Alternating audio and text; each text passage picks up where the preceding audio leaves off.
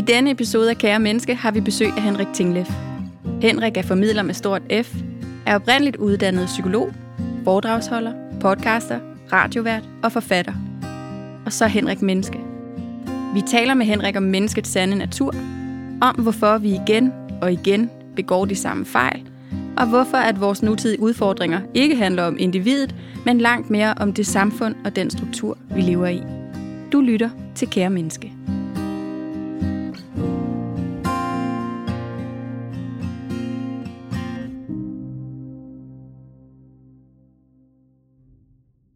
Velkommen til Kære Menneske, Henrik.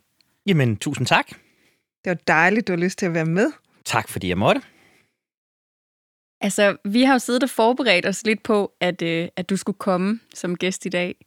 Og øh, det første, vi ligesom... Jeg kender dig en lille smule fra Mhm. tidligere. Jeg har været så heldig at have dig som supervisor, faktisk. Det er rigtigt. Ja. Ja, en kort periode. Ja. Men udover det, øh, så, øh, så var jeg jo alligevel nysgerrig på sådan, okay, hvad ligger der mere? Hvad er det, jeg ikke kender til om Henrik? Øhm, og der var jeg inde på din hjemmeside og blev fuldstændig blown away over, hvad der møder en der. Hvad siger du med det? Ja, det var, øh, vi tænkte, det var måske kære menneske, du havde skrevet en intro til. Jamen, den kan købes. ja, så Mi, den vil du læse op for os? Den vil jeg simpelthen gerne starte med lige at læse op. Mhm. Så du starter med en overskrift, der hedder, jeg er menneskelig. Så jeg begår flere fejl, end jeg vil indrømme. Jeg bliver ubegrundet ængstelig og bekymret. Jeg tilpasser mig flertallet og prøver at passe ind. Jeg er mindre omsorgsfuld, end jeg gerne vil være, og indimellem stikker jeg en løgn. Men mest af alt bruger jeg en masse energi på at tage mig bedre ud, end jeg egentlig er. Jeg er forholdsvis nem at manipulere. Jeg har større respekt for autoriteter, end jeg bryder mig om, og jeg synes, mine venner er sejere end dine. Og du gør det sammen. For du og jeg er mennesker. Vi er det mellem mennesker. Og hele mit virke handler om netop det. Hvad er menneskets sande natur? Hvad er det, vi gør ved hinanden? Og hvorfor bliver vi ved, hvorfor bliver vi vores enestående intelligens til trods ved med at gøre så mange dumme ting? Så Henrik, hvorfor gør vi det? Jamen, det gør vi jo, fordi vi er mennesker. Vi gør det, fordi, som jeg også skriver der, vi er mennesker mellem mennesker.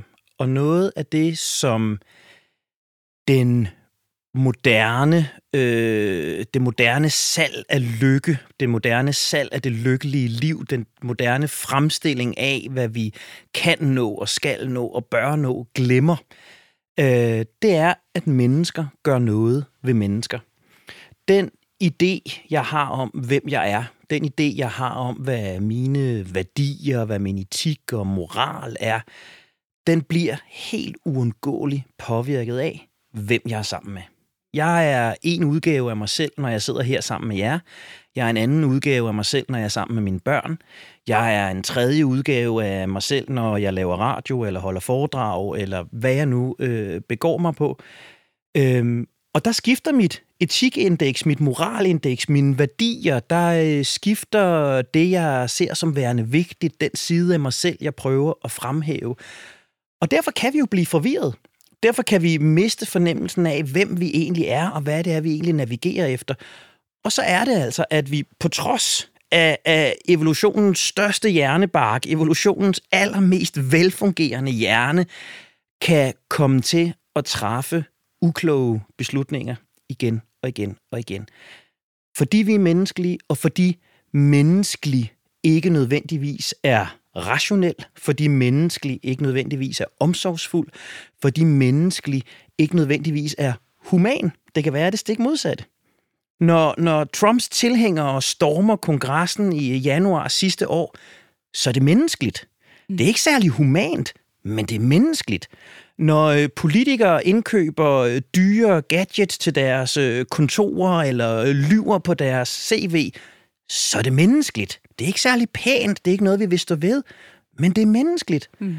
Og når jeg skjuler mine dårlige sider og fremhæver de gode, der måtte være, eller jeg fortæller historien om mit Obama-ur, fordi så synes I nok, at jeg er endnu mere fantastisk, når jeg, når jeg har det, så er det måske ikke noget, jeg vil være stolt af, eller noget, jeg vil stå ved, men det er menneskeligt. Mm. Og jeg tror, at billedet af, hvad der er menneskeligt, er vi nødt til at nuancere. Og det er jo så det en sidebemærkning, jeg lige har skrevet 300 sider om, som, som kommer i en bog på Gyldendal lige om lidt, der kommer til at hedde, når flokdyret fejler. Netop fordi vi mennesker er flokdyr, ja. og når vi er i flok, så er det, vi fejler. Mm-hmm. Og jeg bliver jo med det samme nysgerrig, fordi at det er virkelig også noget, vi har brugt mange timer på, både i kære menneske, men også imellem os to, at tale om det der med, når vi føler, at vi fejler. Mm. Men, men jeg tænker også i en kultur, som jeg i hvert fald oplever som enormt individualiseret, så er det jo et kæmpe problem, at vi overser, hvor meget flokdyr vi egentlig er, og hvor påvirket vi er af både når vi sidder tre mennesker sammen i et rum, men også vores kultur, vores samfund, alt det, vi er født ind i, som vi ikke har haft noget som helst at gøre med, ikke?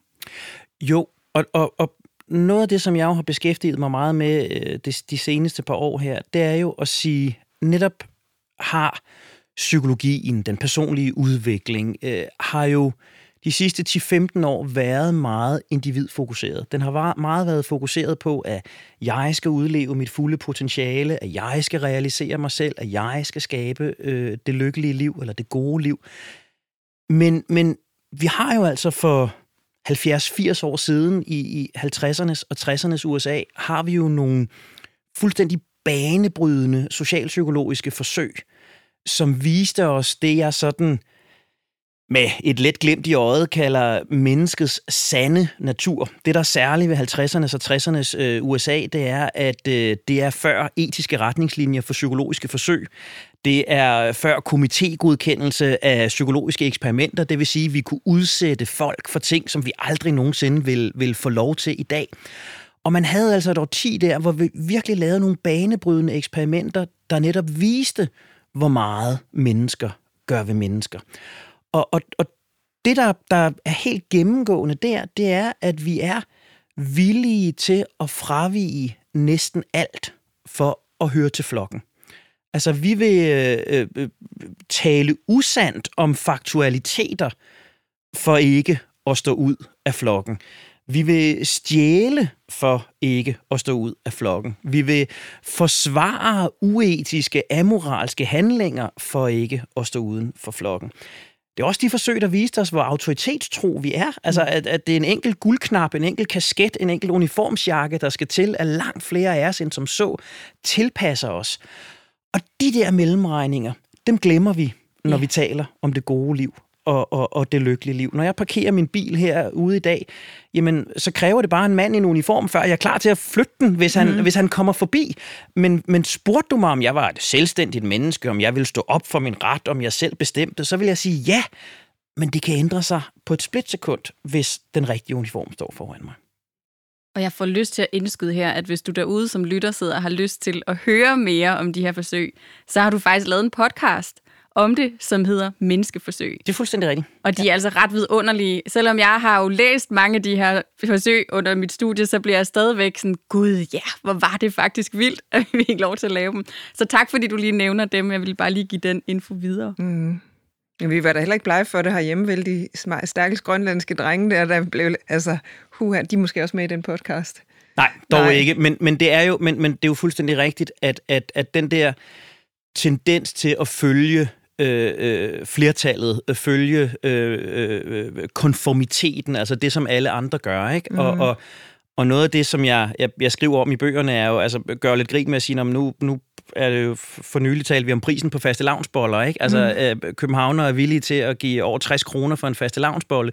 Hvorfor er vi det? yeah. Det er vi, fordi alle andre gør det. Yeah. Vi, vi er det jo ikke, fordi vi vurderer kvaliteten af faste lavnsbollen, men hvis, hvis køen ude foran Junos, eller hvem det Hart, eller hvem det nu er, er tilpas lang, jamen så stiller jeg mig også op i den. Yeah. Fordi jeg vil gerne tilpasse mig, ikke? Hvorfor er der fast track og VIP-access i lufthavnene? Jamen det er det jo, fordi at jeg er villig til at betale ret meget for at tilhøre en, en udvalgt skare. Og alt det her bare for at sige, det er det, der afsporer os. Det er det, der forvirrer os fra, hvem jeg egentlig er som individ. Og, og det er det, der også kan få mig til at gå på kompromis med min etik og moralbegreber. Få mig til at lyve, få mig til at gemme mine dårlige sider. Og det tror jeg bare, at vi skal tale meget mere åbent om. Og det er det, jeg prøver med, med forsiden på min hjemmeside at sige, sådan er jeg også. Ja. Mm.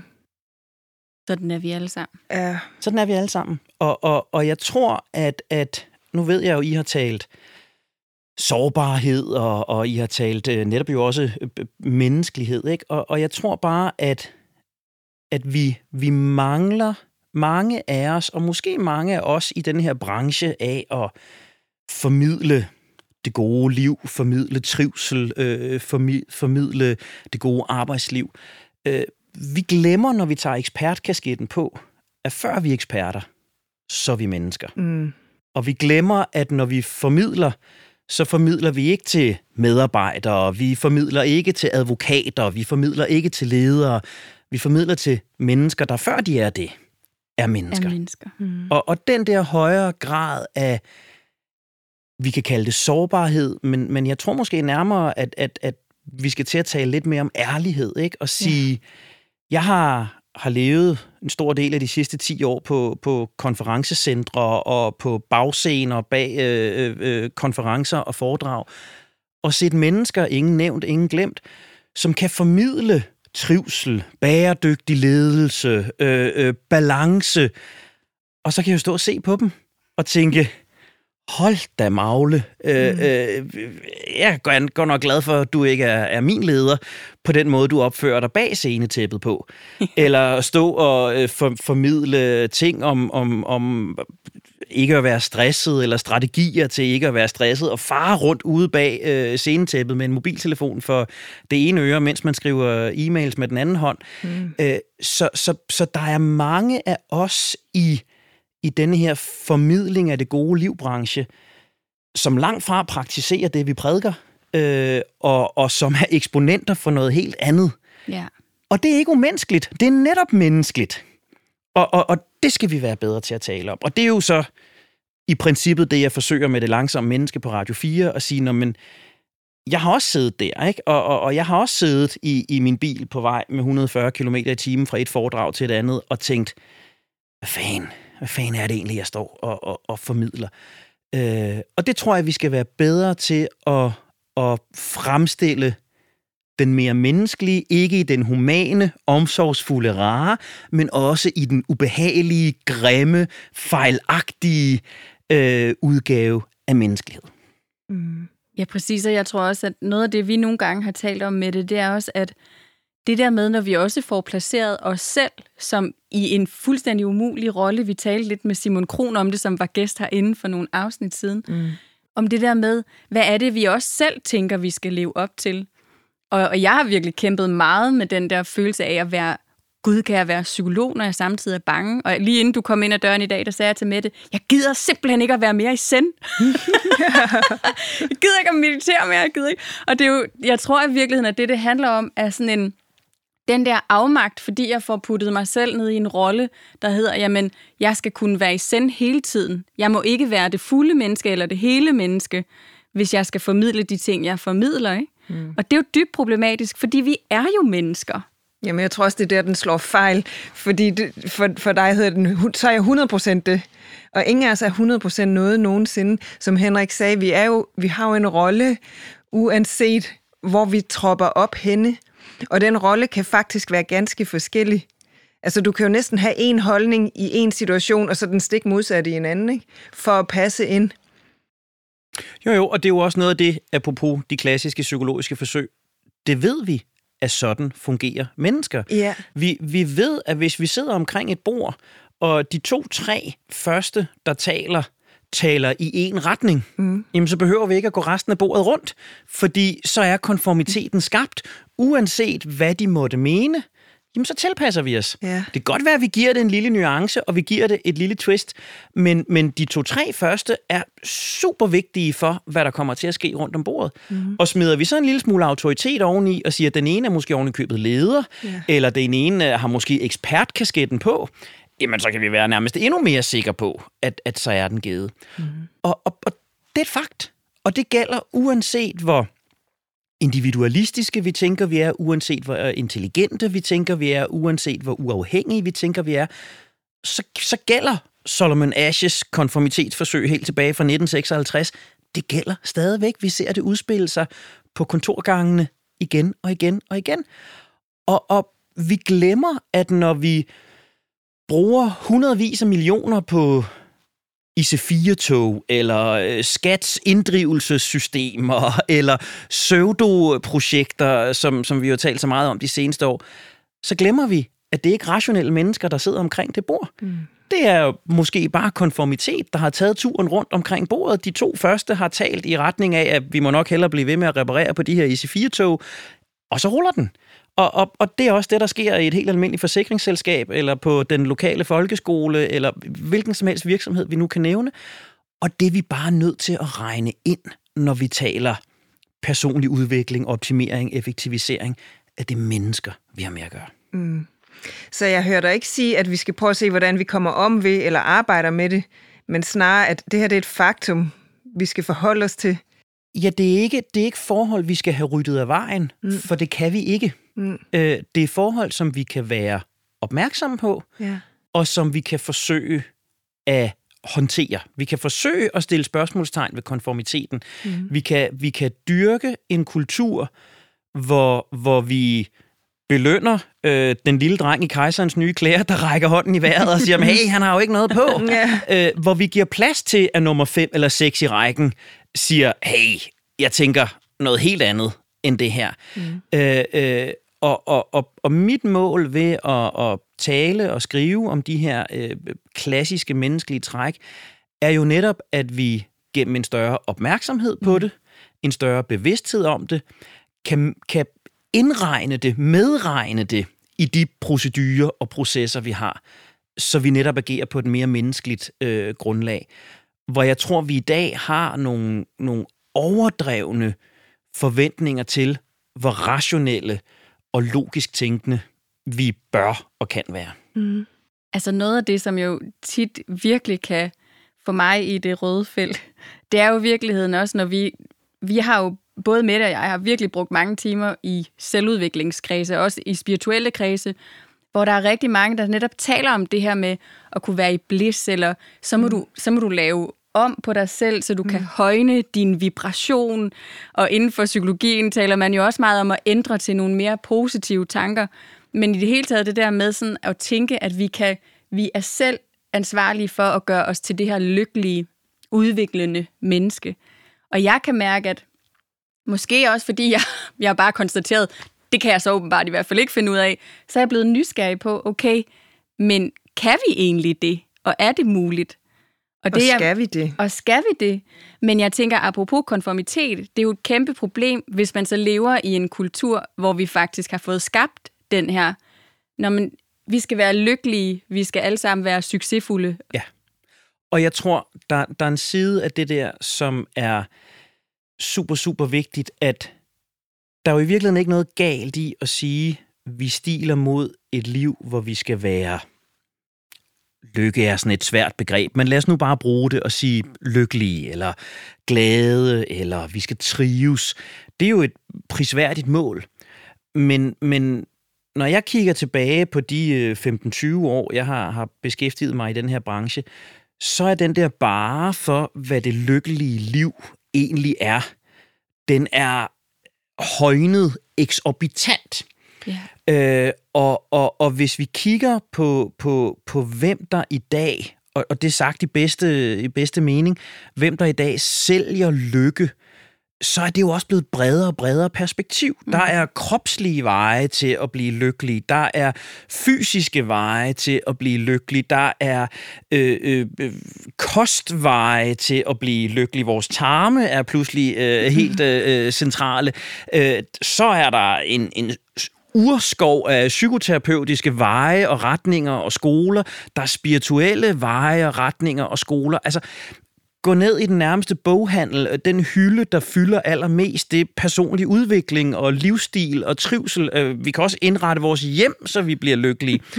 Yeah. Og, og, og baren for, hvornår jeg lever det lykkelige liv, er blevet så ekstremt høj, at det, der er et helt almindeligt liv, med, med de ups and downs, der nu engang er, og de udfordringer af fysisk og psykisk og praktisk og økonomisk karakter, som vi alle sammen øh, oplever, det er blevet anormalt. Det er blevet ulykkeligt. Mm. Det er, er, er blevet trist. Øh, Og det blev jo selvforstærkende, for hvis jeg går og kigger på mit helt almindelige liv, og jeg sammenligner det med, at jeg både kunne være i tip-top form og, og, og bænke 125 kilo og kun leve af broccoli og, og skabe mig en tech-virksomhed, som jeg sælger for 100 millioner og, og, og indrette mit hjem til bedre, og så kigger på et helt almindeligt gennemsnitligt liv, jamen så bliver jeg jo trist, så bliver jeg jo nedtrykt. Og hvis det er det, jeg evaluerer mit værd og min energi og, og mit, mit selvbillede ud fra, så bliver det en, en nedadspændende øh, spiral. Øhm, og der tror jeg, at vi skal hjælpe hinanden øh, øh, med at sige, jamen jo flere, der løber i retning af, af det der lykkelige liv, jo større er tendensen til, at der er flere, der følger med. Så igen er der nogen, der skal række hånden op og sige, hey, hov, stop. Øh, øh, sådan ser menneskelivet ikke ud. Der er ingen mennesker, der går igennem et liv uden kriser, uden øh, øh psykiske udfordringer, uden fysiske udfordringer. Det har vi alle sammen. Der er ikke altid pænt, øh, når vi kommer hjem til, til hinanden. Øh, øh, bøgerne på hylden står ikke altid i farveorden eller alfabetisk sorteret, og nogle gange tager man altså 5 kilo på, fordi nu fokuserer man lige på noget andet, end hvad man spiser, eller, eller at man træner. Og der er ikke noget vejen med mig, fordi jeg gør det, og der er ikke noget vejen med dig eller dig, fordi I ryger en af de fælder. Øh, tværtimod er det menneskeligt. Ja. Og det tror jeg, vi, vi, vi er nødt til at tale meget mere åbent og meget højere om. Øh, øh, og jeg, jeg er ikke fortaler for, at vi skal begynde at hylde fejl. Øh, det var sådan en, en, en, med al respekt for Tommy Ahlers, som har gjort mange øh, gode ting her i verden, men, men kørte jo sådan en, en nu skal vi, skal vi hylde fejl, og, og kan vi få kendte mennesker til at fortælle om deres fejl. Nej, nej, så skaber vi jo et, et nyt ideal. Nu, nu er det pludselig ideelt at fejle. Så nej, det her handler ikke om, at vi skal lave en podcast-serie med mennesker, der fortæller om deres livs øh, fejlslagende ting. Det handler om, at vi skal tale mere åbent om, at ja, jeg synes, mine venner er sejere end dig, og ja, en gang imellem lyver jeg, og ja, jeg bruger en masse energi på at fremstille mig pænere, end jeg er. Men vi ved alle sammen, at der er, der er rod om bag scenetæppet, og sådan er det at være menneske. Mm. Ja, så vi skal ture og tale om, hvad det er at være menneske, og måske i virkeligheden også være bedre til, i stedet for bare at løbe ud af sporet med alle de andre, så simpelthen at sætte os ned og prøve at forstå, hvad det er at være menneske. Ja, og forstå det, forstå det, der ikke er pænt ved at være menneske. Ja. Forstå det, øh, som vi måske ikke så ofte vil stå ved. Øh, forstå det, som er anderledes end det, vi normalt øh, fremstiller som menneskeligt. Øh, det tror jeg er, er super, super vigtigt. Og det er ikke for at hylde laveste fællesnævner, og det er ikke for at sætte udviklingen i stå. Det er i virkeligheden for at fremme en udvikling, som er langt mere holdbar, som er langt mere bæredygtig, øh, fordi vi kan komme til at navigere på et meget mere menneskeligt grundlag. Men så skal vi jo ture ikke at være lemminger. Ja, vi skal ture ikke at være lemminger, og vi skal være opmærksomme på, at det at være det er menneskeligt. Mm. Så når jeg kommer til at stå i kø nede foran Hart, eller Junos, eller hos Andersen, øh, øh, og, og, og købe faste lavnsboller til 65 kroner, så er det okay, fordi det er menneskeligt. Men når jeg så har gjort det et par gange, kan det være, at jeg er nødt til at træde et halvt skridt tilbage og sige, hey, men giver det mig rent faktisk noget? Er det rent faktisk det, jeg vil bruge mine ressourcer på? Min tid, mine penge? Mm. Eller er der noget andet, jeg kunne bruge mine ressourcer på? Men bærer over med, at jeg har gjort det, fordi det er en uundgåelig øh, del af det at være menneskelig. Mm. Og, og, og når jeg fremstiller mig bedre, end jeg er, eller øh, genfortæller historier kun med vinkel på, hvad, hvad jeg har leveret, og ikke hvad andre har leveret, accepterer, at det er en del af at være menneske, for sådan er øh, mennesker. Men igen, når jeg har observeret, at jeg gør det nogle gange, måske træde et halvt skridt tilbage og sige, hey, mm. er, det, er det rent faktisk det her, jeg vil, eller kunne der være noget værdi i, i det, eller noget værdi for mig i at gøre noget andet. Mm. Men det kunne også være en måde at afprøve sig selv på. Altså gå ud af de veje der. Jeg sidder jo her helt jysk inde i min hjerne og tænker, 65 kroner for en fast lavnsbold. Never. det er også meget københavn. Det, det er virkelig meget københavnsk, ja. Øhm, men det der med at, at afprøve nogle af de veje der, og, og så finde ud af, det var sgu ikke det, der gjorde mig lykkelig. Jeg har en datter i øjeblikket, der har fået sit første job og er ved at spare op, og hun vil gerne være økonomisk uafhængig, og er helt op og ringe over ting, hun ser på Instagram, som hun bare må eje. Øh, og så sidder vi som forældre og tænker, ja, lad hende lige udleve den drøm ja. lidt lige nu, så hun kan få lov at afprøve. Og så sidder jeg her, når du sidder og fortæller de ting, så sidder jeg og tænker, hvornår har jeg egentlig været allermest lykkelig? Og så tænker jeg tilbage på stunder i min opvækst, hvor vi har været samlet hele familien op ved mine bedsteforældre. Og alle de voksne har lavet lækker mad og har siddet og snakket over den der mad hele tiden, og alle os unger, vi har leget, og vi har haft det mega sjovt og været dødtrætte og faldet i søvn i bunker oven på hinanden inde i et eller andet værelse med en hund eller et eller andet, der har været op ved os. Og øh, vågnet der næste morgen, og alle har været der. Og der har ikke behøves at være noget, jeg har købt faste lavnsboller til 65, og jeg har det der ur. Det, det har været fuldstændig ligegyldigt. De stunder, mm. det er dem, jeg synes, der er guld værd. Ja. Men jeg ved det jo kun, fordi jeg har prøvet at rende ud af nogle af de andre veje og fundet ud af, at de gjorde mig ikke lykkelig. Jeg har prøvet at få en rigtig fin hyre. Det var nok det tidspunkt i mit liv, hvor jeg var allermest ulykkelig. Ja. Det var der, hvor jeg tjente flest penge. Ja. Og, og, og den historie er der, jo, er der jo mange, der kan skrive under på. Mm. Og jeg tror jo, jeg tror jo på, at om vi skal kalde det det lykkelige liv, eller det gode liv, eller bare det menneskelige liv, mm. tror jeg jo på ligger i en blanding af de der ting. Øh, fordi det er jo også sådan en, en tidstrend, at vi går all in. Ikke? Mm. At, at øh, jeg har jo sådan flere gange harceleret mod de der, jeg kalder det altid bagsiden af berlingske business, ikke? om, om øh, Boston Consulting Group, øh, øh, partneren, der havde lynkarriere fra han var 25 til han var 30, mm. og tjente sin første million, da han var 26, og fløj verden rundt. Og pludselig stoppede han op og så lyset, og kiggede på sig selv og tænkte, hvad er det, jeg laver? Jeg har aldrig været så ulykkelig men tjent så mange penge. Og nu er han biodynamisk gartner på Bornholm.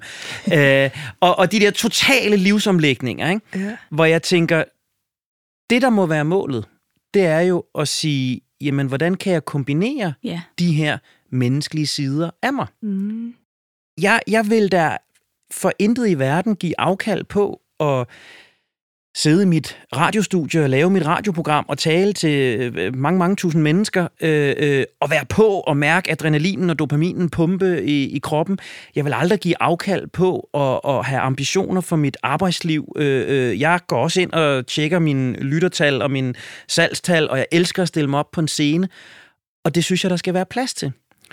Der, hvor det bliver problematisk, det er, når det så bliver default mode, og der ikke bliver pladsen til også at lægge sig i sommerhuset med mm. hunden, ja. eller med simmerretten, eller gå turen langs vandet, som, som ikke handler om, at Garmin-uret lige skal registrere de sidste 2.000 skridt, fordi så har jeg også nået mine 10.000 skridt i dag.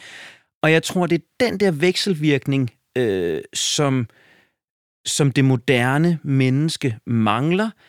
Vekselvirkningen mellem det hurtige, det selvrealiserende, det, det, det fremaddrivende, og det langsomme, det fordøjende, det, det nærværende. Mm-hmm. Øh, jeg havde en meget spændende samtale med Troels Bæk, øh, for nylig tidligere øh, sportsdirektør og, og jo Superliga-træner gennem en, en menneskealder. Øh, Troels er en meget klog mand. Den eneste fejl er jo, at han har haft et tilhørsforhold til Brøndby, men ellers er han fornuftig. øh, øh, og, og Troels havde et meget godt billede af, at det moderne menneske glemmer, at livet er cirkulært øh, at, at vi har en idé om, at vi altid er i høstsæson. Vi skal mm. altid høste. Vi skal altid inddrive. Vi skal altid øh, køre hjem i laden. Men vi glemmer, at der er også en tid, hvor marken skal ligge brak. Der er også en tid, hvor vi skal så. Mm. Der er også en tid, hvor vi skal nusse om planterne og gøde og mm. fjerne ukrudt og hvad det nu hedder. Og så kommer vi i høstsæson. Og så mm. kan vi høste. Øh, og det billede gav meget god mening for mig, hvor, hvor drømmen om det lykkelige liv og den her bare, vi, vi hæver og hæver, taler alt sammen ind i høstsæsonen. Ja. Mm. Der er ikke ret meget, der taler ind i, i brakmarken mm. eller i, i, i såningssæsonen. Øh, jeg plejer at eksemplificere det ved en gearkasse, ikke? og sige, at det er som om, vi altid bare per automatik knaller den i, i femte gear og drøner derud af. En gang imellem skal vi vælge tredje, en gang imellem skal vi vælge første, nogle gange skal vi måske bakgear. Øh, så, så, så det der sådan omskiftelige pladsen til begge dele, det tror jeg er vigtigt. Og så for at kæde alle tingene sammen, så ved vi jo også, at de her menneskelige sider af os, de lidet flatterende menneskelige sider, øh, den høje grad af autoritetstro, øh, øh, lemming-effekten i forhold til at følge andre. Vi kunne også tage sådan noget som bystander-effekten, ikke? altså at vi ikke reagerer, når andre lider. Alle de her sådan knap så sympatiske eller flatterende sider af mennesket, bliver også mere fremherskende og mere dominerende, jo hurtigere vi bliver. Så, så, så, så jo, jo mere pres jeg har på, jo mindre tid jeg har til at tænke, jo mere tager, tager default mode over, mm. og så bliver det de her ting, der fylder. Men hvis jeg husker det cirkulære, jeg husker min såningssæson, jeg husker min plantesæson, øh, så kan jeg måske også nemmere træde et halvt skridt tilbage fra det. Så, så, så noget af det ligger, siger ham, der lige nu taler meget hurtigt, ligger jo også i at kunne stemple ind og ud af hastigheden. Mm-hmm. Og sige, kan jeg, kan jeg stemple ned i en højere grad af langsomlighed, så kan jeg også holde nogle af de her menneskelige, men ikke særlig hensigtsmæssige træk i ave. Og der mm. tror jeg, at tingene kobler sig sammen. Mm. Det er meget interessant. Meget inspirerende i virkeligheden. Det kan være, at du kan få klemt dit send ind der i en af sæsonerne. Ej, men jeg tænker i virkeligheden, at det jo, det jo handler om balancen. Så det er jo lidt, som Henrik også siger nu, ikke? det er jo måske trangen til at gøre noget andet, hvis man har brugt enormt mange år, som jeg har, på at, at være i send og arbejde med send-modes mm. på mange måder. Nu kalder vi det send, men jeg har jo arbejdet rigtig meget med åndedrættet i mange år, og det har jeg ikke tænkt mig at stoppe med. Men det er det der med at få det ind, hvor, se, hvor kan jeg få det ind i andre sider af livet, så det ikke nødvendigvis handler om, at nu er vi nødt til at lave en session, hvor vi går 100% ind i det her, men hvordan kan jeg omskrive det til et normalt menneskeliv? Hvordan kan jeg omskrive det til alle mulige andre situationer? Som jeg også ved, at, at du arbejder rigtig meget med i det langsomme menneskeprojektet. Ikke? Jo, jo. Det her med, hvordan, hvordan kan jeg egentlig bruge nogle af de teknikker. Du har forskellige gæster inde i programmet, som deler teknikker og perspektiver med dig. Så hvordan kan du få omsat det til at leve det? Og jeg tror, det er det, det, det, det er netop, vi skal have nogle, vi skal have nogle snack sizes, ikke? Øh, øh, igen tror jeg, at vi, altså, den her drøm om det gode liv, som, som er formidlet øh, de sidste år, bliver netop meget ensidig og meget øh, alt dominerende. Jamen, så går vi all in på åndedræt. Mm. Og så, så, så skal vi lave åndedrætstræning hver dag, og, og vi skal næsten øh, øh, kunne blive fridykkere alle sammen og øh, nå ned på 240 meter uden at trække vejret. Eller også, så er det fysisk form, og så skal vi træne altså halvanden time øh, hver dag og næsten blive Mr. eller Mrs. Fitness øh, form.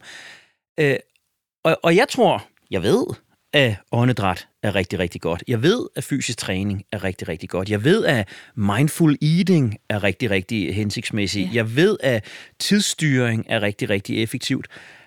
Men der er ikke noget af det, jeg kan praktisere på ekspertiseniveau eller fuldt ud. Fordi det er ikke menneskeligt. Og det er ikke muligt i den verden, vi lever. Men, og jeg skal på ingen måde lyde heldig, fordi lytter af mit radioprogram vil vide, at jeg deler alle de mange, mange fejl, jeg, jeg, jeg laver der. Men, men helt, helt konkret, vi sidder her nu, jeg skal videre til noget andet bagefter. Vi to skrev sammen forleden dag, hey, kunne vi eventuelt starte en halv time før, for jeg kunne godt lige bruge en pause, mm. inden det næste, jeg skal til. Ja. Det havde jeg ikke gjort for to år siden. Nej. Så havde jeg tværtimod tænkt, Nå, det er perfekt, ikke nogen spildtid, jeg kan lige præcis nå herfra og der, jeg skal hen på den tid, der er, så kan jeg også lige udnytte formiddagen bedre. Øhm, og det er sådan, det er det, jeg kalder en snack size, ikke? At sige, jamen, jeg behøver ikke at sætte mig ned og lave 45 minutters mindfulness meditation. Jeg øh, behøver ikke at, at lave åndedrætsøvelser, men jeg kan indlægge en halv times ekstra sluff i mit program, der gør, at jeg ikke skal ræse gennem byen til det næste, men jeg kan køre stille og roligt gennem byen. Jeg kan måske ovenikøbet parkere lidt længere væk og lige gå øh, og få lidt luft i ansigtet, inden jeg skal det næste.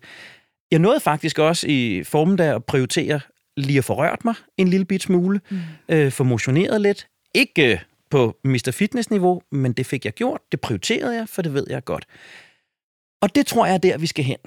Jeg, jeg, jeg kommer aldrig til at gå all in på en af tingene, men jeg tror, vi skal have alle puslespilsbrikkerne og så skal vi lægge en enkelt eller to af dem hver eneste dag, og gøre det inden for de rammer, som vores liv nu engang giver. Øh, og det sælger ikke særlig mange bøger, og, og, og, fordi øh, det, det er bare det at sige, læg lige en halv time ekstra ind, det æder man med nemt. Så det, det kan man ikke rigtig skrive 300 sider om. Øh, men, men jeg tror faktisk, det er langt hen ad vejen, at, at det der er problemet, at der er blevet opfundet så mange programmer og veje og skoler, fordi det kan sælges. Mm. Det kan nemlig sælges, og samtidig også, så, så kan jeg da huske mange samtaler, du og jeg har haft med det, hvor vi har talt om, men det er jo også interessant, at selvom at du arbejder blandt andet som yogalærer og laver nogle fantastiske restaurative behandlinger. Jeg har arbejdet som åndedrætsterapeut og undervist i meditation i mange år. Og alligevel har vi lange, lange perioder, hvor vi ikke praktiserer i hvert fald det der med at sætte sig ned i tre kvarter mm. eller en time, eller få lavet et helt yogaprogram hver dag. Men, men vi oplever jo selv, selvom det er vores daglige arbejde, at vi faktisk ikke formår at gøre det. Så jeg sidder også tit og tænker, hvordan må det så ikke være for vores klienter, der har yeah. helt almindelige menneskeliv, som ikke engang har det som deres arbejde, ikke? Og det der er jo netop eksemplet på, at billedet af, hvad der er menneskeligt, er blevet fuldstændig forvrænget. Ja. For det, I beskriver der, det er jo menneskeligt. Mm. Det er jo fejlbarligt. Det er mangelfuldt. Det er inkonsekvent. Det er ulogisk. det er maligt. Men det er menneskeligt. Ja. ja. Hvor har du dog ret. Og jeg kan heller ikke lade være at tænke, når du siger det her med den halve time, du har lagt ind, hvor er det interessant, for det er jo lige præcis din åndedrætstræning og din fysiske træning, hvis man skal være så bogstavelig, du har lagt ind lige der. Ja. Bare uden, at du står med svedbånd om panden og... Præcis. Ikke? Præcis. Du har den jo der, og så bliver den serveret på sådan en måde, at din krop egentlig kan være med til det, og dit hoved. Altså jeg tror på, at, at, at mange af de der ting skal operationaliseres ja. i højere grad. Ikke? Ja. Altså at, at mindfulness behøver ikke at være at spise en rosin på 20 minutter og, og mærke hver en, en, en rynke i rosinen. Mindfulness kan være at gå roligt herfra og ned til min bil. Præcis. Det er mindfulness yes. i min verden. Ikke? Yeah. Åndedrætstræning behøver ikke at, at være øh, lukkede øjne og hånden på maven og mærke, den hæver og sænker sig. Det kan bare være, når jeg har parkeret min bil, inden jeg skal det næste, at jeg lige siger, oh, Nå, så er noget hertil. Hvad var det egentlig, jeg skulle her? Mm. Ikke? Eller det kan være det der med, at du har lagt den ekstra tid ind, der gør, at du ikke sidder og raser og holder vejret på hele den Præcis. tur, ikke? men at du egentlig bare har, når du har måske endda overskud til at lukke en ud, der du kan se, der sidder helt op i rettet. Ikke? Præcis. Det er jo åndedrætstræning, fordi du beholder din egen krop ja. i ro.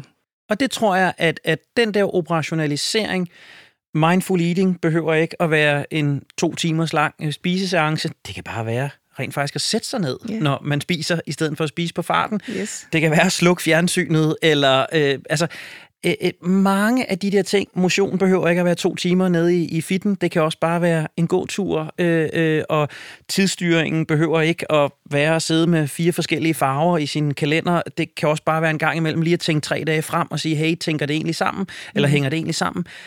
Den der operationalisering Øh, øh, praktisk, hverdagsagtige tilgang til alle de der skoler, øh, det er i mine øjne langt mere menneskeligt, ja. øh, øh, langt mere opnåeligt. Ja. Øh, fordi vi er, vi er ikke, øh, eller rettere, jeg vil hellere sige det sådan, for vi vil, som I beskriver, falde ind og ud af det. Mm.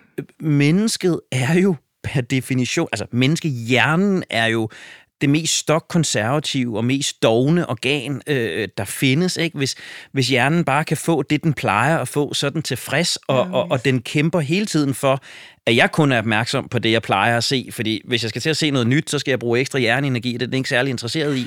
øh, øh, øh, så, så, så mennesker er jo malige. Vi ønsker hele tiden at gøre det, der koster mindst mulig energi. Mm-hmm. Øh, og derfor er sådan en livsomlægning og sådan en, en, en, en total omfatning af åndedrætstræning, eller yoga, eller fysisk træning, eller kostomlægning, eller hvad det er, det er umenneskeligt. Men, men en lille bitte ændring en gang imellem, det er menneskeligt. Mm-hmm. Jeg kommer til at tænke på, da jeg tog min åndedrætsuddannelse, der blev vi undervejs sådan introduceret til morgenpraksiser. Og det endte med at være så lang en praksis, at det tog mig... Jeg tror, jeg, jeg tog tid en dag, hvor det tog en time og tre kvarter, så det betød, at jeg... Og der havde vi altså ret små børn på det ja. tidspunkt, ikke? Så jeg blev efter en måned med det der, jeg var så stresset, Fordi jeg, jeg tog af min søvn, som vi bare ved, det har hjernen brug for, det har Præcis. kroppen brug for. Ikke? Så jeg stjal faktisk tid fra noget af det, der var allermest nødvendigt for mig. Jeg er ovenikøbet et B-menneske, så det der med at tage den om morgenen, det, det var i virkeligheden det stik modsatte end hjælpsomt. Men jeg gjorde jo det, som jeg havde fået at vide, skulle være det hjælpsomme. Ikke? Det var, altså, jeg er glad for, at jeg opdagede det efter en måned, og ikke kørte det i flere år. Men, men for mig var det bare et virkelig godt eksempel på lige at stoppe op og tænke, er det overhovedet hjælpsomt, det her? Fordi Præcis. vi kan lynhurtigt ryge i de der fælder. Nu er jeg åndedrætstræner, så, behøver, så skal jeg også i hvert fald halvanden time. Jo, og det er som om, at mange af, af, af, af de her tilgange til det gode liv, de er udviklet til et andet liv, end Ja. ja. det helt almindelige mennesker lever. Mm. Øh, øh, altså, de mængder og den opmærksomhed, øh, øh, som hvad end det er, åndedræt, eller yoga, eller fysisk træning, eller kostomlægning, Hvad eller er. whatever, er, er lavet til en verden, øh, hvor man bor på en øde ø, og pengene vokser på træerne, øh, og der ikke er andre mennesker til at forstyrre en. De er ikke lavet til e-mails og telefoner og to børn og, og, og kø i trafikken, og, og nemlig der ikke leverer som, som, som forventet. Øh, øh, og, og, og igen tilbage til, derfor er vi nødt til at operationalisere det, derfor er vi nødt til at, at erkende, det er ikke menneskeligt, vi er nødt til at gøre det på en menneskelig måde, og den menneskelige måde, det er bare mere fejlbarligt, det er bare mere maligt, og det er bare i langt mindre doser. Og det tror jeg, vi bliver, hvis vi nu skal have stil mod det, det tror jeg, vi bliver langt lykkeligere af, for som du selv beskriver, vi ender jo med at blive stresset af det andet. Vi, vi, vi ender jo med at, at, at nærmere blive selvkritiske og selvdestruktive, fordi jamen, nu har jeg været på det her dyre retreat, eller jeg har været på det her dyre, dyre kursus, eller jeg har betalt 2.500 i timen hos den her terapeut eller ekspert, og så kan jeg ikke finde ud af at bruge det. Nej, selvfølgelig kan du ikke det, fordi det er ikke muligt. Det er ikke menneskeligt. Nej, præcis. Wow, en vigtig snak, var. Ja, det synes jeg nok. Lidt træls for vores øh, daglige virke dog, men Nej, jeg, altså for Nej, mig der falder den lige i turbanen på en eller anden måde, fordi der, jeg er nemlig så malig, at jeg springer mange af de der burde ting over. Så det er da egentlig meget befriende øh, at være i, men jeg tænker alligevel, det er noget af en opgave. Fordi vi bruger jo alle de her ting til at lave den der også af dem, og til at tilpasse os en flok, ikke? Altså prøv at at vi alle sammen kunne rumme Donald Trumps ting, tilhænger den der januar morgen, der den 6. Ikke? Mm. Sidst, altså, jeg tror ikke, der er ret mange af os, der synes, at, at de var virkelig fede og, og rummet, at det var helt i orden, det de gjorde der, vel? Nej, og, og, og, og, og det er det jo heller ikke. Men det er menneskeligt. Ja, præcis. Og, og, og, og det tror jeg bare er en, en rigtig, rigtig vigtig pointe at få ind i, i vores, øh, vores vokabular, få ind i vores hverdag, at, at nej, jeg vil hellere gå den vej og sige, rigtig meget psykologi, personlig udvikling, øh, handler jo hele tiden om, hvad der er galt med mennesker. Hvad er der galt med dig, siden du agerer sådan? Mm. Hvad er der galt med dig, siden du har det sådan? Øh, den klassiske socialpsykologi går jo den anden vej rundt og siger, jamen hvad er det, der er det almen menneskelige mm. ved at være sådan, ved at have det sådan? Hvad er det, vi kan lære om mennesker ved at kigge på denne her adfærd? Og, og, og jeg oplever, at vi har brugt 10-15 år på at pege en masse umenneskeligt ud, en, en, en masse forkert adfærd, i stedet for at forholde os til, øh, hvad er det, der er det almen menneskelige, som vi er nødt til at regne ind i hverdagen. Og, og, og der er Trump og fake news jo et fantastisk eksempel på det, fordi vi brugte jo, øh, samtlige af verdens øh, politiske øh, analytikere brugte jo to år på at bekræfte sig selv og hinanden i, at Trump kunne ikke lade sig gøre. Mm-hmm. Det vil aldrig nogensinde ske. Mm. Og da det så skete, så brugte man et år på at forklare sig selv og hinanden, men så vil han jo tilpasse sig, og så vil han jo øh, øh, blive en almindelig præsident, fordi og der var så stort system omkring. Og da han så fyldte hele systemet med lige så store øh, øh, øh, personligheder, lad os nu kalde det det, som sig selv, øh, øh, så blev vi forvirret, og vi forsøgte at blive ved med at svare på den måde, som vi havde svaret en hvilken som helst anden præsident, eller, eller diskutere, som vi ville have diskuteret med en hvilken som helst anden præsident, og fortælle, at det var ham, der var noget galt med. Mm. Og de mennesker, der støttede ham, der var noget galt med, i stedet for at kigge på, hvad er det for mekanismer, der er i spil? Mm-hmm. Hvad er det almenmenneskelige i det her? Mm-hmm. Og, og med Trump, der kan vi sige, og uden yderligere sammenligning i øvrigt, men, men vi har jo verdens bedste øh, sammenligningsgrundlag, hvis vi går meget præcist øh, 2000 år tilbage, ikke? og sige, hvad, hvad skete der med de forfulgte kristne i, i, i Romeriet? Øh, de blev stærkere i troen.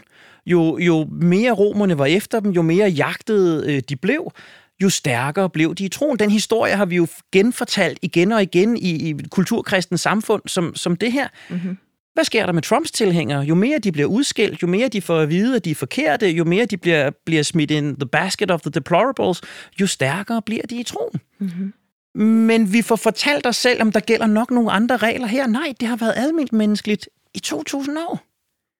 Og, og, og, og, og hvis ikke vi forstår det, jamen så har vi kun set toppen af isbjerget i forhold til fake news, og i forhold til dem også retorik, og i forhold til ekstreme politiske bevægelser.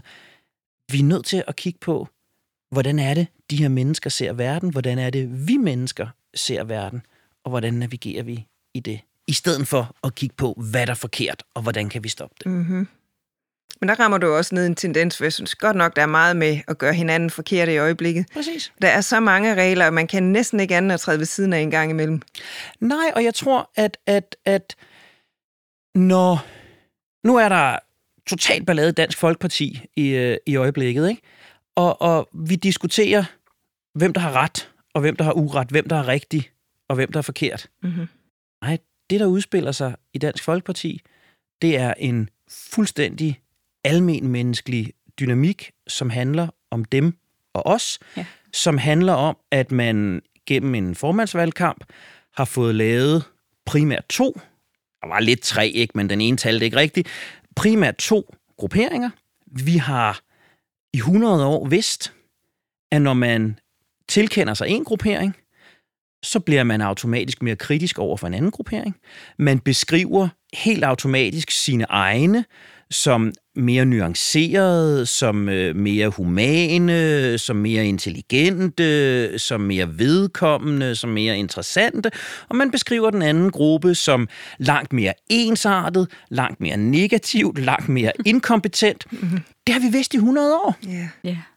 Og kig på de interviews, der er fra Dansk Folkeparti i øjeblikket. Det er jo det, der foregår. Ja, vi falder lige i. Vi falder lige i. Vi har hele coronasituationen. Ja, Præcis. Vi har i 100 år øh, vidst, at øh, når folk får magt, så bliver man mere opmærksom på, øh, på prestigeobjekter. Øh, vi ved, at man begynder at bøje regler i egen retning. Vi ved, at man bliver mere ligeglad med andres holdninger og meninger. Øh, og alligevel, når en politiker indretter et kontor dyrt, så peger vi fingre og siger, der må være noget galt med ham. eller når en overborgmester øh, køber en eller anden lang sok og hænger, hænger på sit kontor, eller hvad det nu var, så siger man, der må være noget i vejen med ham. Eller når man tager en museumsdirektør i at smykke sit CV, så siger man, hun er en forfærdelig en. Nej, det har vi vidst i 100 år, at det hører med. Så hvad nu, hvis avisartiklerne gik på det? Mm-hmm. Hvis avisartiklerne gik på det, Nico Grønfeldt gjorde inde på, på borgmesterkontoret på Københavns Rådhus, det er fuldstændig menneskeligt. Det er ikke lovligt, det er ikke hensigtsmæssigt, men vi vil, rigtig mange af os, vil gøre noget, der minder om det i den situation. Øh, det, der sker i Dansk Folkeparti i øjeblikket, det handler ikke om Morten Messerschmidt, det handler ikke om Pia Kærsgaard, det handler ikke om Liselotte Blikst. Det handler om en dem-os-dynamik, som sker alle steder i samfundet, hver evig eneste dag. Det sker mellem salgsafdelingen og udviklingsafdelingen Oh, yes. i hvilken som helst virksomhed. Ja. Det øh, sker mellem øh, chefer og medarbejdere. Det sker øh, mellem dem, der har kontor ud til den ene side, hvor de har vandudsigt, og dem, der har kontor på den anden side, hvor de har gårdudsigt. Det sker alle vegne. Hvad nu, hvis det var det, vi beskrev? Ja. Så vil vi kunne underbygge den her side af, hvad der er almen menneskeligt. ja. Det er der ikke så meget drama i, var? Nej, det er der ikke særlig meget drama i, og, og, og hvis vi øh, går tilbage til, til 60'ernes forsøg igen af Mustafa Sharif, så vil vi jo vide, om det eneste, de skal inde i Dansk Folkeparti, det er, at de skal til at løse nogle fælles opgaver. Altså, da, da han havde samlet to gange 12 drenge ude i, i, i, øh, i, i Stateparken der, og de var begyndt at bekrige hinanden, så saboterede de jo vandtanken, ikke? og for at få vand var vi nødt til at samarbejde i de her grupper, og vi fandt ud af, at når vi har et fælles projekt, et fælles mål, og nogle fælles ressourcer, som vi er nødt til at kæmpe for, så får vi en større, grad af, af enighed. Ikke? Mm-hmm. Så lad os skabe et fælles projekt, lad os sabotere vandtanken på, øh, på, på, øh, på borgen, eller lad os få Pia Kjærsgaards bil til at løbe tør for benzin langt ude på en jysk landevej, eller et eller andet. Øh, øh, vi har jo også løsningerne på det, men vi gør noget andet. Ja. Mm. Ja, vi sidder ved vores skyttegrav. Det, det er godt nok, det er meget interessant, det her, var. Mm. De her helt menneskelige samspilsfaktorer. Hvornår er det, din bog udkommer? 22. april. 22. april, den må vi hellere få læst. Det, det, det lyder som om, at... Når flokdyret fejler, hvorfor vi kloge mennesker træffer så mange ukloge beslutninger. Og det er jo det, vi sidder og, og, og taler om her. Ikke? Ja, det er det bestemt. Og det er, det er de her træk, og så er det så er det, det beskæftiger bogen, så det er ikke så meget med, men, men i samspillet med den her højere bare for, hvad det lykkelige liv er, og det, det deraf følgende højere tempo for at nå det, mm. så skaber vi en hverdag, som er umenneskelig mm. for, for mange af os. Øhm, og det er vi det er vi simpelthen nødt til at skabe en højere grad af bevidsthed om, og det er vi nødt til at påvirke i langt højere grad, end vi gør ikke ved at gå til ekstremer, men netop ved at gå i snack sizes. Mm-hmm. Ja, vær lidt mere almindelig. Meget mere almindelig, meget mere fejlbarlig, meget mere malig. Øh, øh, bare det, at, at, at, at langsom, malig, stillestående, er jo næsten blevet negative ord. Ja, ja det har du fuldstændig ret Men det er jo en høj grad af den menneskelige natur. Ja. Ej, jeg bliver helt glad. Uh, det... Mennesket... den bølge vil jeg være Vi er designet til at sove en tredjedel af vores liv. Ja. Men, men vi betragter søvn som spildtid. Der, der findes bøger om, hvordan du kan minimere din søvn, hvordan du kan udnytte din tid bedre. Øh, øh, øh. Nej, det er det, vi er designet til. Vi er jo dybest set, hvis vi går tilbage, er vi jo designet til at gå i vinterhi. Øh, øh, vi, vi er designet til i de mørke måneder at sove meget mere. Mm-hmm. Øh, øh, det er jo ingen, der gør øh, i dag. Vi er designet til, at når vi har leveret en eller anden grad af kraftpræstation, jamen så skal vi lade op. Vi skal restituere. Det gør vi ikke. Når, når hele den der bølge af inspiration fra sportsverdenen skyller ind over erhvervslivet, så, så vælger vi jo kun at kigge på en del af det. Så kigger vi på, hvordan sportsfolk sætter sig mål, hvordan sportsfolk de kæmper, hvordan de mm. bruger de sidste kræfter over målstregen. Hvad går den største del af en professionel atlets tid med? Restitution. Ja, præcis. Professionelle fodboldspillere træner 3-4 timer om dagen. Resten er hvile, mad, behandling, søvn. Mm.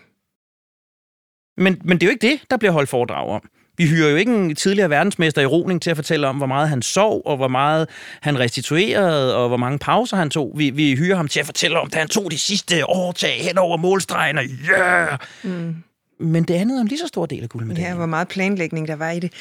Hold da op, hvor er det interessant. Men så er det jo vores journalister, vi skal have fat i. ja, og det, det er jo i virkeligheden, altså, det, er jo, det jo, og det er der, jeg er med, med borgmesterkontoret og IC4-togene og alt det der.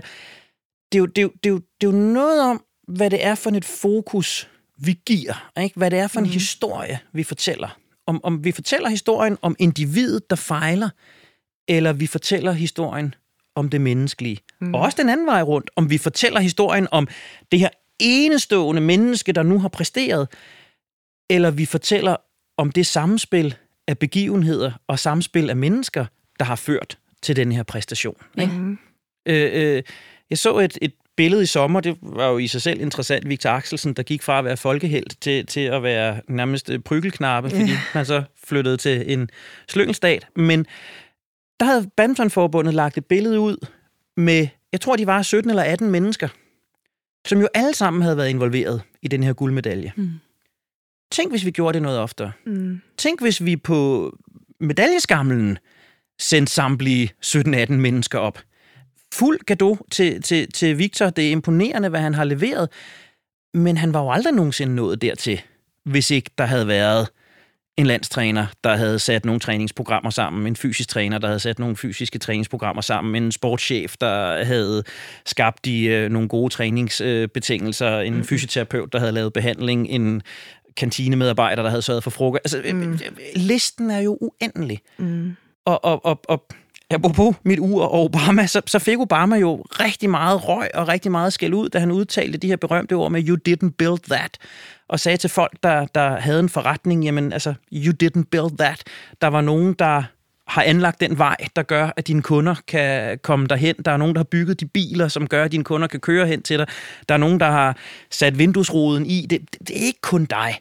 Øh, og det, det strider jo mod den amerikanske drøm, mm. øh, øh, som jo også er blevet solgt over hele verden. Men den der højere grad af opmærksom på, opmærksomhed på, hvad er det for et samspil, at vi er mennesker, men vi er det mellem mennesker. Yeah. Og den der individualistiske kultur alene med fokus på, hvad jeg gør og hvad jeg kan, det er bare ikke et virkeligt billede. Nej. Og det er utroligt lidt hjælpsomt. Mm. For jeg tænker også, når vi, når vi sidder og taler om alt det her med det individuelle fokus, når man så kigger ned i alle de statistikker, der er omkring, hvordan har vi det så faktisk? Hvordan trives vi? Det ser jo, øh, altså det er jo virkelig dårlige tal, ikke? Jo, så vi, er vi er jo nødt til at stoppe op og tænke, hvad er det, vi må gøre anderledes? Fordi hvis vi fortsætter samme vej, at det går kun ned ad bakke. Jo, og, og alene de statistikker er jo også et, et, et tegn på den her individuelle syge. Fordi det vi jo gør op, det er, hvor mange individer er deprimerede. Ja, Hvor mange individer er stressede. ja, Hvor mange individer har angst, etc. Men det spørgsmål, der er jo rigtig interessant, det er, hvad er det for kontekster, de Præcis. mennesker indgår i? lige præcis. som ikke helbreder den lidelse, de har, som måske lige frem fremkalder den, eller som vedligeholder den, Yes. som understøtter den. Ja. Øh, øh, så, så øh, det spørgsmål, der hedder, når nu det er sådan, hvad er det så, vi gør forkert på vores arbejdspladser? Yes. Hvad er det, vi gør forkert i vores samfund? Ja. Hvor vi i højere grad siger flere penge til psykiatrien, øh, øh, psykologbehandling gratis nu ikke bare fra 30 år, men fra 18 år, øh, øh, øh, den diagnose til gratis psykologbehandling, den psyk- diagnose til gratis psykologbehandling. Al ære og værdighed for det, det er fint. Jeg sidder ikke og siger, at et menneske, der lider af depression, ikke skal kunne få gratis behandling. Det synes jeg i den grad, de skal. Men vi skal stille os spørgsmålstegnet, om vi giver fællesskabet den bedste hjælp ved at allokere x antal millioner eller milliarder til gratis psykologbehandling, eller vi gør det ved at se på, hvad er det for nogle strukturer, vi har skruet sammen. Mm-hmm. Lige netop. Bingo. Har vi skabt et samfund, som i virkeligheden er umenneskeligt, og så er det her nogle følger? Og det vil jo til enhver tid være, være min påstand. Fordi at, at det... Altså, lad os tage den halve time igen. Den er jo kun mulig for mig, fordi jeg ikke er en del af en eller anden corporate culture. Hvis jeg øh, sad i en eller anden virksomhed ude på Kalvebod Brygge med de fine øh, øh, solbeskyttede vinduer ned mod vandet, så vil jeg jo ikke kunne lægge en halv time sluff ind i min kalender. Så vil der komme nogen og sige, hov, hov, det er ikke fakturerbare timer. Jeg kan gøre det, fordi jeg er min egen herre, og det er mig, der bestemmer, øh, hvornår jeg laver noget, jeg tjener penge på, og noget, jeg ikke tjener penge på. Men, men hvad nu, hvis vi gjorde det Præcis. til normalen? Ja. Og i sidste ende tjener du jo nok også penge på det, fordi du øh, sk- skubber jo en sygedag, ikke? Det vil, til enhver, det vil til enhver tid være min påstand, at, Ja. at, at det er økonomisk øh, langt mere øh, bæredygtigt. rentabel, ja. Men, men der er alt for mange mennesker, som ikke kan det, fordi de er en del af et fællesskab. Så jeg kan sagtens sidde her og sige, det skal I bare gøre, men, men blandt jeres lyttere, der vil være folkeskolelærer, der vil være folk, der er ansat i banker og forsikringsselskaber, og de har ikke nødvendigvis muligheden. Nej. Og den, den snak er vigtig. Den snak er vigtig i forhold til, hvordan hjælper vi fællesskabet med, at det bliver normen? Hvordan hjælper vi fællesskabet med, at det bliver okay, at jeg sparker min stol tilbage og dagdrømmer lidt, når jeg har brug for det? Ja. Og jeg i virkeligheden, at det bliver kulturen, at vi tror på, jamen Karsten han med medarbejder, når han kommer tilbage fra sin gåtur, eller når han bare lige har siddet og dagdrømt lidt. Det har vi jo studier, der viser. Vi har studier, der viser, Masser. at bare 15 minutters gåtur ja. gør dig 50 procent bedre i, i, i, i sådan kognitive problemløsningsopgaver. Mm. Vi har studier, der viser, at hvis du tager dig tiden til at overveje en beslutning bare ganske få minutter længere, så, så stiger din succesrate, altså beslutninger, du ikke skal træffe om, den stiger helt op til seks gange. Vi har studier, der viser, at når du tager længere tid, så træffer du langt mere etiske og moralske korrekte valg, fordi du har tiden til at tænke langsigtet og ikke bare kortsigtet. Altså, vi har al den viden, men kulturen er en anden. Mm-hmm. Ja. Og der bliver set skævt til Karsten, hvis han skubber stolen tilbage og dagdrømmer lidt, Oh, eller siger, nu har jeg brug for en pause. Og der er vi igen tilbage ved, det kan vi ikke løse individuelt, det er vi nødt til at løse i fællesskab, og vi er nødt til at, at se, at der ikke er noget i vejen med Karsten, fordi han har brug for den pause. Han er ikke svag. Han er ikke, det er ikke, fordi han ikke ved det nok. Det er ikke, fordi han ikke er ambitiøs. Det er ikke, fordi han ikke vil være en del af et high-performance team. Han er bare menneskelig. ja. Og vi er nødt til at indrette nogle rammer, som er langt mere menneskelige. Og jeg tænker også, at, at under det der, og under, hvorfor er det så, når vi faktisk har tallene, når vi faktisk kan se, at det virker, det er faktisk mere hjælpsomt, man performer faktisk bedre, så tænker jeg også, at der er sådan en kollektiv frygt i forhold til, jamen bliver vi så bare dogne, performer vi så mindre, hvad er det? Så jeg tænker også, at der er noget omkring hele vores retorik, hele vores sprogbrug, i hele corporate, i hele altså, præstationsverdenen. Hvordan er det, vi kan tale ind til det, så, så det netop ikke bliver Karsten, der bliver problemet, men så vi får lagt det op på et meget højere strukturelt niveau, ikke? Ja. Og, og, og det er jo der, min øh, ydmyg påstand er, at bevidstheden om menneskets sande natur, ikke menneskets sminkede natur, ikke menneskets teoretiske natur, men, men, men menneskets sande natur, som ikke bare er fejlbarlig, men, men også mangelfuld, også øh, uærlig, også øh, ubehagelig, øh, også svag, også doven, også alt muligt. At, at, at det mere nuancerede billede af, hvad mennesker er, og at der ikke er noget i vejen med os, når vi er sådan, men vi tværtimod er nødt til at indrette os efter, at det er sådan, mennesker er. Det tror jeg øh, er vejen. Øh, øh, jeg har sådan nogle gange sammenlignet det lidt med at sige, jamen altså, øh, vi, vi, vi, vi kunne jo aldrig finde på at tillægge maskiner andre øh, øh, træk, end de har. Vi bygger jo vejene med, med udgangspunkt i, hvordan biler fungerer. Jamen, vi ved, at biler kører bedst på flad asfalt. Det vi gør ude i arbejdslivet, det er jo, at vi siger, Jamen, det ville sgu være smart, hvis nogen bil, den, den ikke behøvede asfalt. Den, den øh, bare kunne køre på jord. Øh, øh, og, og det der med, at der skal være jævnt, det er da sådan set også lige meget. Den har jo nogle støddæmper, den kan da nok godt klare det. Så, så vi til sidst bare havde fjernet alt, hvad vi øh, havde af, af asfalt, og så lod vi bare bilerne pløje op gennem Jylland, øh, ind gennem haver, øh, op og ned af bakker og, og, og, og dale. Det kunne vi jo aldrig finde på. Fordi så er vi jo i lynhurtigt, jamen det kan jo ikke, det kan jo ikke lade sig gøre, men sådan fungerer biler jo ikke. De er jo nødt til at have noget ordentligt asfalt at køre på, og vi kan jo ikke, vi kan jo ikke, der kan jo ikke gå en vej ind igennem her. Det vil jo være til chikane. Vi er jo nødt til at føre det den her vej op igennem. Vi tager hele tiden hensyn til maskinens natur. Mm. Men det er jo det, vi gør med mennesker. Ja. Det ville fandme være smart, hvis Carsten han lige kunne arbejde 12 timer i døgnet den næste uge, fordi så kunne vi levere det her projekt øh, øh, til den der dato i stedet for den der dato. Ja, det kan da godt være, det vil være smart, men det er ikke sikkert, Carsten kan. Nej. Det ville fandme være godt, hvis vi kunne få syv ekstra fakturerbare timer ud af alle vores konsulenter, fordi så ville vi tjene 400.000 mere øh, om året. Ja, det kan godt være, det vil være smartere, men hvad hvis vi ikke kan? Så, så vi tager nogle hensyn til, til maskiner, som vi ikke tager til mennesker. Jeg har lige købt en computer til min, min søn. Øh, Det er en videnskab med køleteknik, om det skal luftkøles eller vandkøles, og hvad, hvad den her processor har brug for af kølerkraft. Det sidder der højt betalte mennesker og regner på. De højt betalte mennesker arbejder måske under arbejdsvilkår, som er dårligere end den computer, de sidder og fremstiller. Så vi tager hensyn til, hvordan computeren bliver kølet, men tager vi hensyn til, hvordan menneskerne bliver kølet? Mm. Hvordan menneskerne er skabt hvordan menneskerne er skabt. Vi skaber computeren på bedre og bedre betingelser. Det er også tid til, at vi giver mennesker nogle bedre betingelser med udgangspunkt i, hvad menneskets natur er.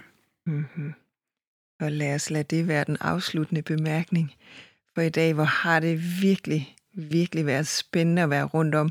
Vi plejer at slutte af med at spørge hinanden og vores gæst, hvad har du fået ud af at være med i dag, eller hvad tager du med dig i dag? Øh, men jeg er jo så, øh, det er jo en af de ting, jeg deler med Trump, at jeg er en anelse øh, selvoptaget. Så, så, så, så jeg har jo bare, jeg har jo bare hældt vand på min egen mølle, men, men det, jeg har forsøgt at give med, fordi det fylder så meget i mig, det er det, at det at være menneske er fejlbarligt. Det at være menneske er mangelfuldt. Det at være menneskelig er ikke nødvendigvis omsorgsfuldt, rart og pænt, og det er vi i højere grad nødt til at indrette os efter. Både sammen og hver for sig. Mm-hmm. Det er så sandt. Hvad med dig, Mi? Jamen, jeg kan mærke, at jeg faktisk kan trække vejret lidt bedre. Fordi at jeg virkelig får lyst til at være medmenneske i et samfund, som, som har lidt mere plads. Ja. Og øh, hvor vi bare kan være mennesker. Mm-hmm. Så, øh, så jeg er, og det var det, jeg vidste, at øh, det plejer at være den effekt, det har på mig, når vi to vi taler sammen, Henrik. Øh, så jeg er endnu en gang dejligt inspireret. Tak for det. Hvad tager du med hjem med det? Jeg var helt pjattet med den der cirkulære beskrivelse, du gav omkring, at vi sår, vi kultiverer, og vi høster, og vi samler til hobe og gør klar til en ny sæson. Den der cirkulære, den falder lige ned. Jeg ved godt, jeg har rødderne op i den morsingboske muld, så det falder lige ned i, ah, jeg får sådan helt sådan ah fornemmelse. Det er selvfølgelig det. Vi har jo bare glemt at tage højde for vores egen natur. Mm. Vi skal have alle fire sæsoner med igen. Ja. Og, og, og, og jeg er jo især glad for, vi har glemt at tage højde for vores egen natur. For det er netop det. Præcis. Det er den menneskelige natur, vi er nødt til at sætte langt mere i højsædet. Præcis. Ja. Og, Og tak, tak Henrik, fordi at du i dag har givet endnu en gang, og det kæmpe store bidrag, du giver til det her. Tak. Selv tak.